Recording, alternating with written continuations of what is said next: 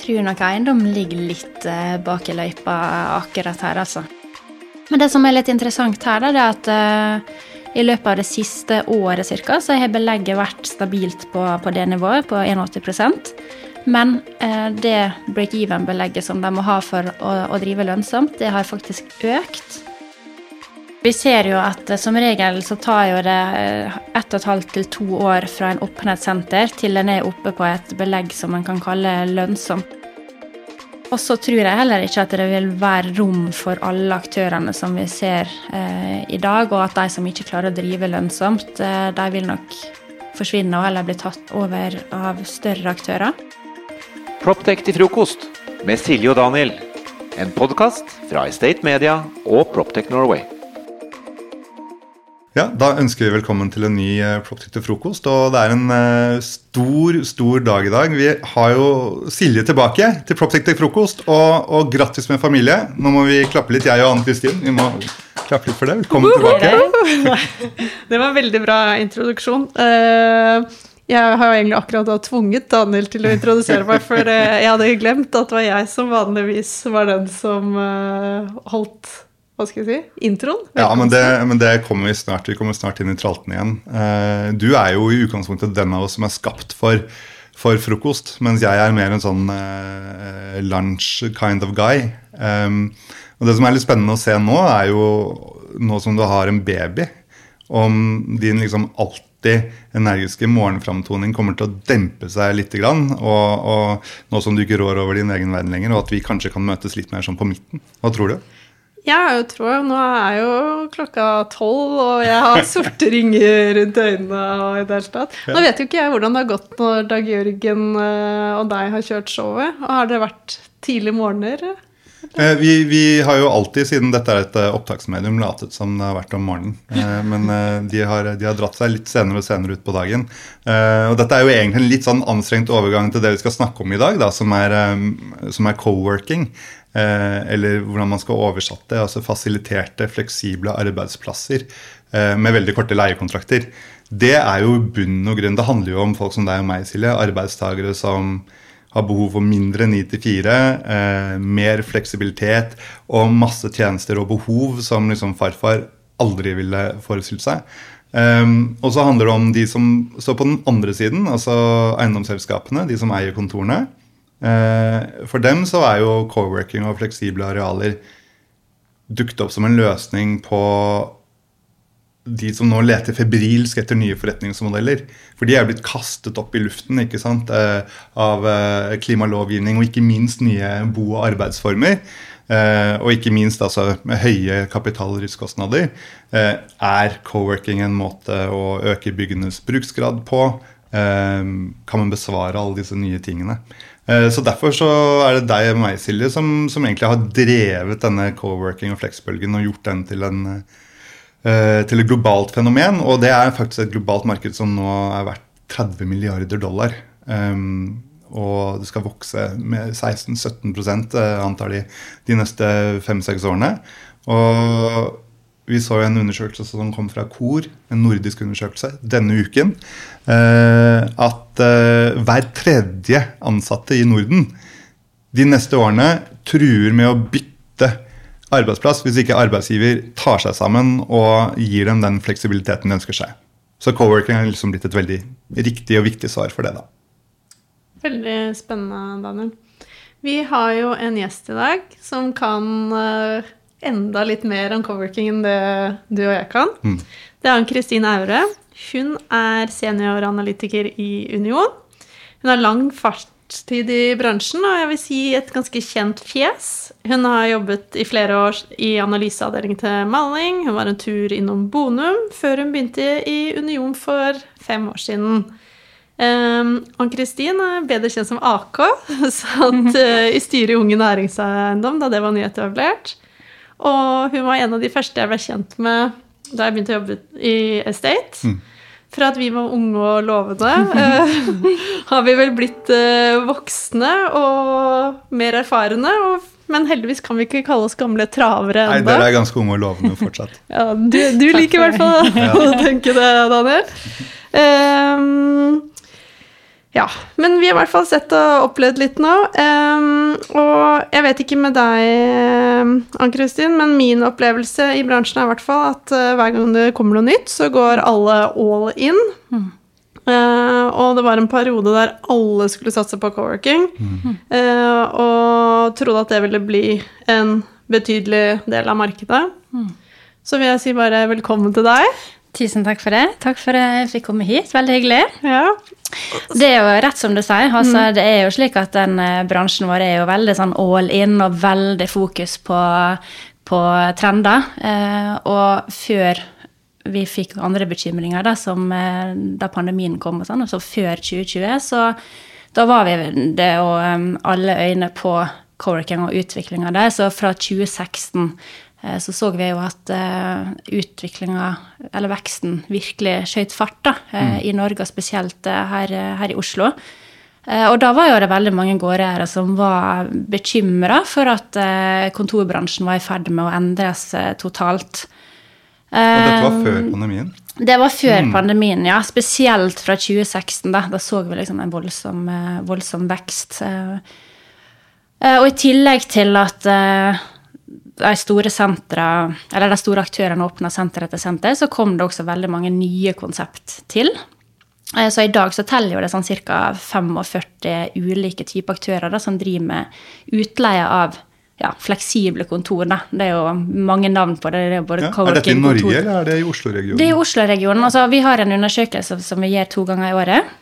Eh, og det har vi gjort siden, eh, siden 2019. Eh, og da fokuserer vi på Stor-Oslo, altså Oslo, Asker og Bærum. Eh, vi følger med på resten av landet også, men det er liksom hovedfokuset i, i den undersøkelsen. Eh, og vi ser jo Altså, det, det, var jo på en måte på grunn av at vi ønsket å følge med på hvor masse av det kontorarealet som ble tatt ut til bruk til co-working, da, som mm. faktisk fylles opp eh, med, med, mennesker. Og det var jo mange gårdeiere som var veldig nysgjerrige på det, så det var jo derfor vi satte i gang den, den undersøkelsen. For vi følger kontorledigheten veldig, veldig nøye, så det var interessant å se, se det også. Eh, og etter hvert så var det også mange gårdeiere sjøl som ville prøve seg og har starta sine egne konsept. Ganske mange av de, de største.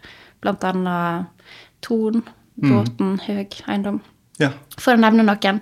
Eh, så fram til pandemien da, så åpna det i snitt eh, hvert år sånn ca. 2500 til 3000 eh, nye kontorarbeidsplasser, altså pulter, i, i Stor-Oslo-regionen. Wow. Det er mye. Um, ja, det var mye. Det var mer enn jeg trodde. Det er ganske masse. Og den voldsomme veksten gjorde jo at det var interessant å, å følge det, det, tettere. Men selv om det utgjorde jo ca. Altså i underkant av 2% av kontorbygningsmassen, da, så det er jo en veldig liten andel, men det var jo på en måte den, den trenden, eh, den veksten. Um, ja. Eh, hvordan, hvordan, hvordan, definerer dere egentlig co-working når dere jobber med det på denne måten? Ja, Vi definerer jo det egentlig som eh, der de har en aktør som leier et kontorareal over en lengre tidsperiode, og så leier de det videre ut som et medlemskap. da. Ja. Så det er jo alt fra sånn ren co-working til kontor, hotell. Eh, så det er jo et veldig vidt begrep. Så det at det heter co-working-undersøkelsen, er jo egentlig litt eh, misvisende på én måte, men eh, kjært barn har mange navn, egentlig, ja. så måtte jeg egentlig bare Men det er liksom, man, man, bygger, man bygger noe konsept rundt, ja. rundt arbeidsplassen og, ja. og, og, og, leier ut på, på, på, kort, kortere, på kortere basis. da. På kortere basis, ja. Så mm. det er liksom det som er kjennetegnet, da. Um, men uh, pga. den høye etableringstakten der fram til pandemien, uh, så var det veldig krevende å få fylt opp sentra sine og, og, og, skape lønnsom drift. Og så kom jo pandemien, uh, ja. og da var det veldig mange som la vekstplanene sine på, på hylla. I tillegg så fikk en jo en helt ny bekymring, altså hjemmekontoret, da, om det kom til å erstatte dette tilbudet. Mm. Ehm, men så med tanke på at veldig mange av medlemmene de har jo relativt kort oppsigelsestid. ikke sant? Eh, og spesielt disse hotdeskene som vanligvis kanskje da har bare en måneds eh, oppsigelsestid, så var jo en bekymra for å, eh, å miste veldig mange medlemmer gjennom pandemien. Men det en faktisk så, det var at det var mange som ønska å beholde medlemskapet sitt. at de var redd for å på en måte miste plassen sin da, hvis de, hvis de sa den opp. Eh, og Så det man fikk rett ikke en sånn flukt fra disse fleksible plassene? i, I noen grad så gjorde en det, men det var spesielt disse hotdeskene, eh, der en på en måte kan si opp eh, kanskje bare med en måneds oppsigelsestid. Og så fikk jo disse avstandsbegrensningene også, så det var på en måte mm. verken lov eller så veldig fristende å sitte tett på, tett på mange fremmede. Så, så, jeg vil jo si det at fordi at mange av eh, av medlemmene ønsker å beholde plassen sin gjennom pandemien. Det viser jo da at det er mange av disse konseptene som faktisk har lykkes da, i å skape masse mer enn bare en pult og en stol hvor du kan eh, gjøre jobben din, men at det på en måte har skapt et community da, der en ønsker å, å være. Mm. Det er veldig interessant. Jeg tenker jo Vi skal jo gå enda mer i dybden her. Um, men før vi For det her er jo i hovedsak snakk om Stor-Oslo. Men før vi gjør det, så må vi, vi må la Daniel få snakke litt, litt til. Ja, jeg har han, ikke må, snakket nok. Nei, han må, få lov, han må få lov til å nerde litt først om hvordan det går uh, internasjonalt. Ja, Som om det er noe som er viktig med Stor-Oslo. Um, ja, det er det jo ikke, men jeg tenker at det, uansett så er det greit når Ann-Kristin skal gå i dybden her i Norge, at vi vet at vi kan sammenligne den litt med hvordan uh, det står til. Ja, det virker jo som vi har fulgt uh, noen internasjonale uh, trender her. Det var jo liksom syv-åtte år siden dette slo gjennom internasjonalt også. Og så har det faktisk blitt en veldig viktig del av kontormiljøet siden. og så tok jo som du var inne på, Ann-Kristin, eh, pandemien og akselererte denne trenden med fjernarbeid og hy hybridarbeid voldsomt. Eh, og gjorde disse faktisk da, da, vi kom inn i bølgen, og også ut av den, så gjorde disse fleksible kontorplassene enda mer populære. Eh, og også blant store bedriftsaktører som så det som en smart del av eh, sin overordnede kontorstrategi å sette av plass til dette. Eh, særlig så lenge man da ikke vet hvordan framtidens eh, arbeid nå skal se ut.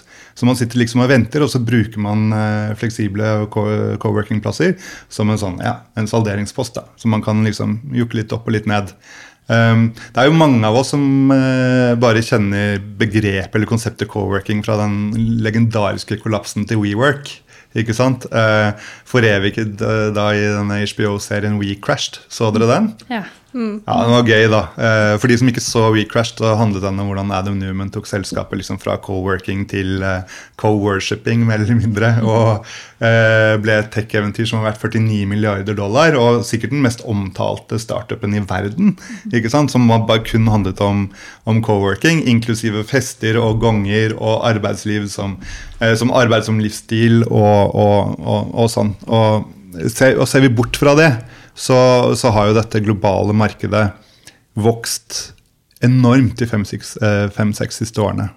Og man antar i USA faktisk at co-working kommer til å stå for en tredjedel av alle kontorplassene i løpet av fem-seks år. Jeg husker faktisk eh, på den filmen så kom det frem at WeWork de var jo, Den tech-biten henger jo veldig sammen der. Eh, de var veldig gode på sensorer. Mm. Hva, hva, er din erfaring her, Ann-Kristin, med For jeg tenker sånn tech og coworking henger, henger sammen. Hvor flinke er coworking-selskapene til å implementere ulike teknologiske duppeditter?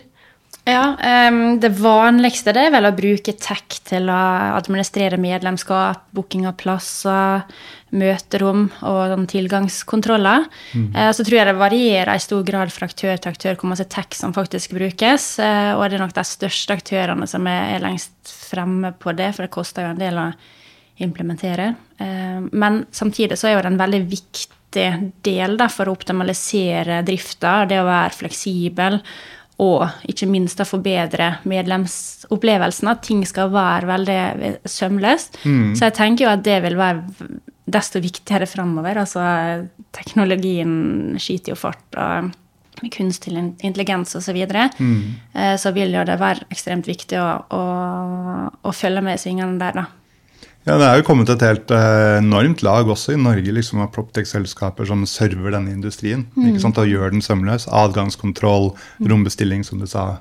Eh, fellesskapsplattformer, parkeringsløsninger. Uh, og ikke minst sånne digitale samarbeidsverktøy da, som, som liksom kler dette. Mm. Virker det som de norske liksom, eiendomsaktørene er eh, framme i stolen på, på dette her og, og, og, prøver å skjønne dette, eller er, eller er, det på en måte bare en sånn, noe, no, noe som må inn i miksen for at de skal fylle opp eh, kontorplassen?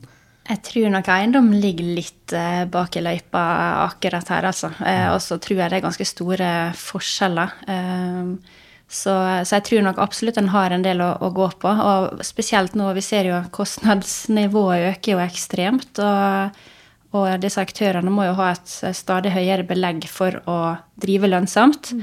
Og det betyr jo at de må eh, optimalisere drifta si for, å, for å, å få ned kostnadene sine. Hva er belegget da i Stor-Oslo? I snitt eh, så er det 81 mm. Eh, og det er faktisk stabilt. da. Er ikke det ganske høyt? Eh, jo, det er jo det. Det er jo høyere enn det de i snitt sier de må ha for å gå break even, altså for å, for å gå i null. da. Hva er det, da? Sånn det er 77 mm. Men det som er litt interessant her, da, det er at uh, i løpet av det siste året cirka, så har belegget vært stabilt på, på det nivået, på 81 Men eh, det break-even-belegget som de må ha for å, å, drive lønnsomt, det har faktisk økt eh, i den perioden. Pga. kostnadene, hovedsakelig. Eh, og, og, så i snitt da, så har aktørene økt break-even-belegget med 5 prosentpoeng i løpet av, eh, av det siste halvåret. Og det er hovedsakelig kostnader. altså Så å si alle aktører mm. vi snakker med, så er det kostnadsbildet som er den store Så break-even uh, ja, break har liksom beveget seg oppover? Det har beveget seg oppover, ja. ja. ja. Men fortsatt så, så, virker det som noe overall er ganske lønnsomt i kontormarkedet? Tja, altså det er 58 da, av uh, sentra som, uh, som, driver lønnsomt i dag. Mm. Uh, så det er jo ikke Hvordan tror du det her kommer til å se ut til neste år, da? For jeg tenker jo kostnadene Det ser jo ikke ut som at det går til å bli noe billigere, akkurat. Kommer Nei. det til å bli flere som eh, må stenge? Ja, altså vi ser jo nå at kostnadene er jo fremdeles Altså vi har ikke fått noen nedgang i, i kostnadene noe spesielt. Eh, og eh, inflasjonen, den eh, er jo venta å komme litt ned i den. Men det tar jo tid, så mest sannsynlig så vil jo leien til neste år eh, øke med mer enn det som har vært normalt tidligere, da, sånn ca. et par prosent. Eh, og det vil jo bidra til å øke kostnadene til, eh, til disse aktørene ytterligere. Mm. Så, så, jeg vil jo absolutt tro at at eh, det ikke blir noe masse, masse enklere fremover. Og så Det er jo én ting, kostnadsbildet, men en annen ting er jo inntektssiden. Hvordan vil det se ut fremover, med tanke på at eh, arbeidsmarkedet venter å bli, bli tøffere. Eh, og det kan jo bli mer krevende å få tak i medlemmer da, til å fylle sentrene sine. Med Life at Work fra VNI er alle byggtjenester samlet i én løsning. Med én og samme app for alt av adgangskontroll og parkering. Til booking av møterom eller matbestilling kan du som gårdeier ta grep om dine verdier og skape en enkel og sømløs hverdag for dine leietakere. Finn ut mer på veni.no. Tidligere så har det vært en del som også har fått sånne såkalte rabatter. Mm. Eh, er det mindre av det, eller? Ja, eh, vi ser jo nå etter hvert som eh, belegget har kommet opp på et uh, høyere nivå, så ser vi at uh, aktørene i mindre grad uh, gir rabatter, da. det er kanskje først og fremst til litt større selskap, eller selskap som en virkelig ønsker å, å få inn på sentrene sine, som en har kanskje strekt seg mm. lengst til. Så, så, det er jo helt klart noe en har sett nå, når, når belegget har, har økt. Men har man eh, sett noe på, på, på, dette? Altså Internasjonalt så er det jo veldig mange store bedrifter mm. som har tatt uh, dette med co-working inn som en del av sin egen miks, og hvor de mm. liksom for det første utplasserer medarbeidere i spennende, innovative miljøer. Mm. Og samtidig så slår de over til mer sånne fleksible muligheter og modeller, sånn hub and spoke, som de kaller det. ikke mm. sant, Hvor ansatte ikke alltid må pendle inn til hovedkvarteret, mm. som liksom kan skaleres litt ned. Og så kan de heller jobbe på satellittkontorer nærmere der de bor. Mm. Og jeg husker I slutten av pandemien så snakket jo alle om at dette her kom til å bli en varig modell. Mm. Eh, Fins det noe tall på det? Ja, vi har sett nærmere på det også, om vi kan på en måte se samme trender i, i Norge og i Oslo-området. Eh, Men faktisk i løpet av det siste året så er ca. to av tre nye arbeidsplasser da, innenfor coworking eh, det er åpna i sentrum, eller i indre sentrum. da. Altså det området som strekker seg fra Bjørvika sentrum over til, eh, til Aker Brygge CBD. Så vi ser absolutt ikke samme trenden her, og det tror jeg nok i hovedsak dreier seg om pendleravstander. Altså her sitter vi jo ikke på toget halvannen til to timer for å komme på jobb, sånn som man gjør. Ja. Ja, akkurat. ikke sant? Så det er ikke sånn som i London og, og New York, der en må pendle veldig langt lenge for å, å komme seg til, til kontor. Så det er nok veldig viktig. Samtidig så ser vi jo at det åpner noen eh, kontor eh, ut, lenger ute fra byen. Altså f.eks. Moss, eh, Drammen, Tønsberg, eh, som, der eh, bedrifter har har mulighet til å ha huber eh, en kan jobbe på for å ikke dra helt inn til sentrum, men jeg har liksom ikke sett den voldsomme veksten da, sånn som en har gjort i blant annet USA. Så stort sett så er det startup-selskaper eh, som sitter på de ulike coworking-stedene. Hovedsakelig så er jo det det startup, scaleups osv., men en ser jo også noe, sånn som du var inne på da, Daniel, at en, en, en ser noen sånn innovasjonsavdelinger til større bedrifter som ønsker å sitte liksom sammen med Eller sitte i et likesinnet miljø, på en måte, da, mm. og utveksle ideer og få liksom faglig, faglig påfyll. Det man også ser i, eh, internasjonalt, er at det har kommet masse sånn nisje co-working eh, spaces. Altså eh, enten du er eh, altså en eh, innovativ startup innenfor teknologi, eller du er kvinne, eller du er i kreativ næring, så fins det liksom et eh, co-working-sted for deg. Er det, er det noe vi har gjort her også? Vi har jo Mesh her, som er veldig teknologiorientert. Vi har 657, som er for kreativ næring. Det, følger det sånne eh, linjer, eller er det mer sånn Ja, altså det har jo på en måte etter hvert liksom spissa seg litt til, da. At det på en måte har danna seg flere ulike konsepter. Eh, Men det tror jeg kanskje vil bli enda tydeligere framover. At en får på en måte liksom enda klarere skille, da. Eh, Fordi at eh, de som leier plass hos slike aktører, de ønsker jo mer enn bare en stol og en pult. De ønsker jo et miljø, altså de ønsker liksom noe mer. Eh, Og det må en jo kunne, kunne tilby, da. Så da vil jo det på en måte bli enda viktigere da å skape en, en tydelig profil og, og et, et miljø som, som gir deg noe, jo, gir deg noe mer. Men er det stor forskjell på de veletablerte coworking-stedene og de som er liksom forholdsvis nye? Er for jeg føler at det er jo noen gamle travere i bransjen som de, de står og eller holder støkurs. Ja, internasjonalt så er det jo liksom det er Spaces og det er IWG og det er mm. WeWork og sånn. De, de kjører jo liksom stadig på og ekspanderer jo helt voldsomt. Og de på en måte omfavner kanskje en bredere eh, Flere bransjer og flere typer bedrifter, da, både norske, internasjonale osv. Eh, mens så har du kanskje disse litt mindre nisjeaktørene da, som kanskje er enda mer spissa på ett eh, eller én type, type menneske eller bransje. Det, mm. ja, nei, eh, det jeg lurer på, som jeg vet at eh, alle i eiendomsbransjen sitter og tenker på, er jo liksom kan vi regne dette hjem? Og så har jo dette vært et ganske nytt felt, ikke sant? hvor man har ikke hatt så mye erfaring. Det har vært masse barnesykdommer. Eh, et av problemene med, med co-working space er jo liksom, hvordan, hvordan verdsetter man det når man ikke har fem til ti årige leieavtaler, som har vært vanlig, men liksom én til to til tre måneder. Så, sånn at de metodene man vanligvis har brukt for å liksom verdsette dette, eh, har, vært litt, eh, har vært litt krevende å få inn. Og jeg tenker også kanskje i møte med banken og andre finansieringsinstitusjoner eh, I utgangspunktet skulle man tro at en coworker er mye mer risiko eh, enn en det en langsiktig leietager er. Har man liksom med innsikt sånn som Unionen kom med, liksom begynt å få mer kunnskap om dette, som gjør at man kan liksom mye tryggere regne det hjem? Ja, vi, vi ser jo at eh, som regel så tar jo det eh, ett og et halvt til to år fra en åpnet senter til en er oppe på et belegg som en kan kalle lønnsomt, det dvs. Si da over 77 selv om det break-even-belegget kan variere litt eh, fra aktør til, til aktør. Eh, og så har jo det litt med type konsept, beliggenhet osv. Og så er jo det som du sier, at det er jo en stor risiko for at eh, den aktøren her har jo leid en lang leieavtale, kanskje fem, kanskje som regel ti år, og lagt inn betydelige investeringer i, i lokalet, som gjerne gårdeieren har gjort. Og så leier de videre ut da på kortere medlemskap, kanskje med én måned oppsigelsestid, tre måneder.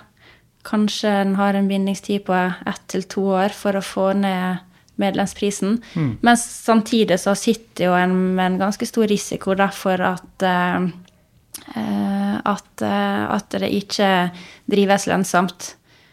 Uh, og en ser jo også at mange av disse aktørene ønsker jo å dele risikoen med gårdeier ved at en tar en profit split, ja. eller eventuelt enda mer risiko på gårdeier ved at en har en omsetningsbasert leie. Mm. Og at gårdeieren da gjør eh, investeringer i, i lokaler. Vi har jo også sett det at mange av aktørene er litt mindre villige til å gjøre tilpasninger i lokaler nå enn, ja, enn det det var for ett eller halvannet år siden. Hva er grunnen til det? Ja, Det er nok eh, først og fremst pga. Eh, kostnadsnivået. Det er betydelig dyrere å gjøre disse tilpasningene. Råvareprisene økte jo betydelig, selv om noe er jo blitt rimeligere, så er jo fremdeles sånn stål og glass veldig dyrt. Og så trenger de heller ikke å strekke seg så langt for å få medlemmene sånn som de måtte for halvannet års tid siden, da når belegget var betydelig lavere enn det det, det, det er nå. Så sånn, sånn, oppsummeringsvis, da, altså Fleksible kontorer og, og co-working ble jo liksom sett på som litt sånn midlertidig en stund. ikke sant? Mm. Eh, eh, nå virker det som eh, it's here to stay. Eh, eh, kom, hva, hva, hva, tror dere kommer til å være utviklingen i markedet i Stor-Oslo-området? Altså, jeg tror ikke co-working eh, kommer til å ta over for det tradisjonelle kontoret, sånn som det var mange som frykta for noen mm. år tilbake. Men eh, jeg tror det bare vil fortsette å utvikle seg, både i form av ulike konsept, og at en kanskje får noen litt tydeligere skille. Dvs. det vil si mer bransjespesifikke fasiliteter, bedre muligheter for samarbeid, større nettverk for medlemmene osv. Eh, og så tror jeg heller ikke at det vil være rom for alle aktørene som vi ser eh, i dag, og at de som ikke klarer å drive lønnsomt, eh, de vil nok forsvinne og heller bli tatt eh, over av større aktører. Mm. Og så er det den utviklinga innenfor teknologi vi ser da, som går i et veldig raskt tempo. Eh, så de som ikke henger med på, på teknologien, vil nok helt klart falle av eh, etter hvert. Eh, men så er det det med den fleksibiliteten co-working gir. Eh, både i form av hvor du kan jobbe, men også at bedriftene ikke trenger å bekymre seg for plassproblemer hvis en skulle liksom vokse veldig. Mm. Eller motsatt, da, som kanskje mange frykter nå.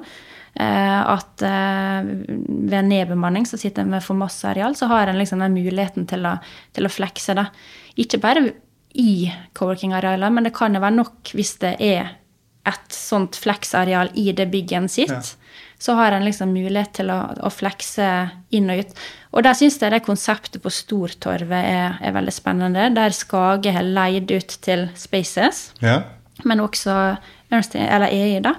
Eh, hvor Spaces da drifter kontoret med resepsjon, eh, personalrestaurant, de større møterommene osv. Og, så og så er det da mulighet til å flekse inn og ut av spaces eh, ut ifra behov og hvis det trengs større møterom osv. Ja, det ser jeg reflekterer en internasjonal trend. Jeg så at en del av de virkelig store selskapene som Amazon og, og, og Microsoft og sånn, de, de, planlegger å legge inn en, sånn 30 eh, co-working i miksen sin. Nettopp for å kunne flekse opp og ned. I hvert fall så lenge de ikke vet hvordan dette kommer til å endre seg. De mm. vil jo gjerne ha folk tilbake på kontoret, mm. men folk nekter jo. Ja. Eh, så da kan de flekse, eh, flekse på den måten. Mm. Ja, jeg tror absolutt vi kommer til å se flere av slike varianter framover. For vi ser jo allerede nå at eh, det er jo i usikre tider så vegrer jo mange av leietakerne seg mot å, signere en lang leieavtale, fordi de ikke vet hvordan situasjonen vil være et par år ned i veien. da. Så det liksom å ha muligheten til en slik fleksibilitet, det er jo supert. Jeg husker tidligere så har du sagt at um, Coworking i Norge sammenlignet med internasjonalt, det er litt ulikt når det kommer til hotdesk, blant annet. Så nordmenn er kanskje litt eh, Kall det særere. Eh, at de gjerne vil ha sin egen plass, og at man må gjøre litt sånn tilpasninger. Kan du fortelle litt om det? Ja, Vi så jo før pandemien så utgjorde disse hotdeskene, der du kan på en måte bare leie deg en hvilken som helst plass, og sånn free seating, da. Eh, det utgjør en veldig, en betydelig større del, altså sånn ca. 16% av eh, den totale kapasiteten. Så kom jo pandemien, og mange av disse plassene ble jo eh, tatt bort pga. Av avstandsbegrensninger. Og og en så jo også at eh, etterspørselen etter disse kontorhotellene, altså private kontor, det økte, så en tok og bygde om eh, masse av det arealet til, til den bruken istedenfor. Eh, og så ser vi jo nå etter pandemien, så har jo egentlig den trenden bare fortsatt. Selv om det nå er helt greit å sitte ved siden av fremmede, så, så er det på en måte ikke de plassene som, som etterspørres. Belegget er betydelig lavere på disse plassene enn på, på faste kontorplasser. Så i dag så utgjør andel av sånn hotdesks under 10 eh, eh, så, Men samtidig så ser vi jo at det fjernes jo ikke helt, fordi at det er jo en fleksibilitet aktørene ønsker å spille på. fordi at det er jo plasser som F.eks. hvis en har senter ulike steder i byen, mm. i ulike byer i, i, landet eller i hele verden, så har en disse plassene å spille på, da, sånn at medlemmene kan flytte seg litt rundt og jobbe fra hvor enn de, de, ønsker. Mm. Ja, for de hotdeskene er gjerne da de er litt rimeligere, og så mm. er de for uh, folk som gjerne vil jobbe én eller to dager i uken. Mm. Og det var mange store selskaper som kjørte sånne uh, som kjørte medarbeidere inn på sånne hotdesker. da, sånn, ja. Gå ned på Mesh og bli litt innovativ. Sitter du på en sånn hotdesk, eller? Nei, jeg sitter da i det som tydeligvis da heter et kontorhotell. da, sånn fast, Jeg sitter på Mesh, ja. og, og, så har vi et sånn lite kontor der. Uh, og så nyter vi godt av den derre buzzen. Som, liksom, det er jo det som, som du var inne på. Det er jo en grunn til at dette vokser, annet enn at det er noe eiendomsselskapene tilbyr eh, for, å, for å få opp belegget. Det er jo noe attraktivt her, hvis man får det til. Det er jo sant, det er en kafé i første etasje, det er masse buzz der. Eh, det løper masse energiske folk rundt. som er energiske, tror jeg, fordi at de ikke er i 9-4-jobber, og fordi at de skal endre verden. Så det er det man prøver å ta tak i. Og så har jo co-working også blitt en sånn rekrutteringsgreie, føler jeg, eh, som en del selskaper bruker for å tiltrekke seg den, litt, eh, altså de litt yngre generasjonene som er opptatt av verdier og bærekraft og, og sånne ting. Fordi mange av disse co-working-selskapene gjennom teknologien de tar i bruk, fokuserer på nettopp på bærekraft og, og, og community da, på, på, en annen måte enn det de store selskapene med litt sånn trøtte HR-avdelinger eh, ofte har forutsetninger for å få til. Mm. Er det noe dere merker til? Ja, absolutt. Altså, det skaper jo betydelig mer liv. Og så er det slik at uh, går en inn i et vanlig, tradisjonelt kontorbygg i dag, der det er en større bedrift f.eks. som har uh, veldig mange på hjemmekontor, sier at eh, halvparten sitter på hjemmekontor, da, så er jo det betydelig mindre liv og, og røre i det, det bygget.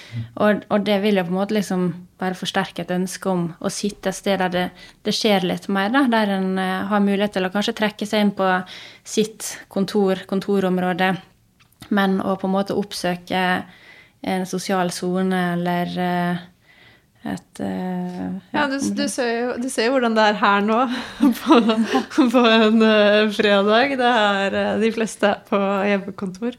Ja. Det har jo blitt en ny greie at det er helt innafor å sitte hjemme. Det har jo egentlig det, og så varierer det litt fra bedrift til bedrift i hvor stor grad de på en måte har åpna for det. Og så kommer det litt an på hvilken type, type jobb en har også. Um, men sånn som f.eks. innenfor eh, IT, så er det veldig utbredt. Der er det mange som sitter på, på hjemmekontor, eller kanskje ikke bare på hjemmekontor, kanskje de sitter på Bali, mm. samme hvor de sitter og, og programmerer. ikke sant? Så, eh, så, så, det skjer jo noe med kontorbygget. Eh, ja. Jeg tenker nå Det her var kjempeinteressant, Ann-Kristin. Avslutningsvis jeg må høre litt mer av deg, Daniel. Du, du elsker jo å snakke, og du har fått sagt litt lite nå, så jeg tenker at vi tar en liten sånn uh, oppdatering på coworking Nå sender jeg meg blikket. Uh, co-working-trender internasjonalt. Uh, ja, jeg, jeg, føler vi har fått sagt ganske mye. altså Selv om det er uh, Oppsummering må jo være, uh, både i Norge og internasjonalt, at det er ganske likt. At selv om det er mye usikkerhet og risiko knyttet til verdsettelsen av sånne felles arbeidslokaler, så er det også store muligheter for utleiere og selskaper. Um, og at i områder der etterspørselen etter denne type lokaler er høy, sånn som i Stor-Oslo, så kan utleiere føle seg tryggere og tryggere i forhold til å velge fleksible arbeidstakere. Eh, og Samtidig så, kan, så, viser det seg at bankene kan være mer eh, villige til å samarbeide med operatører av, av co-working, nettopp for å unngå tomme lokaler og liksom potensielle tvangssalg og slikt. Eh, så det ser ut som om eh, co-working og fleksible lokaler med alt det jeg har å tilby til arbeidstaker, er i ferd med å bli en veldig veldig viktig del av kontormarkedet. Og så må vi jo bare si at med den type jobb som Union og andre da gjør, med å liksom kartlegge og kvantifisere dette markedet, så blir jo trygg, tryggheten større og større. Så det legger bare til rette for at man skal kunne få dette utviklet enda mer. Proptech til frokost med Silje og Daniel. En podkast fra Estate Media og Proptech Norway.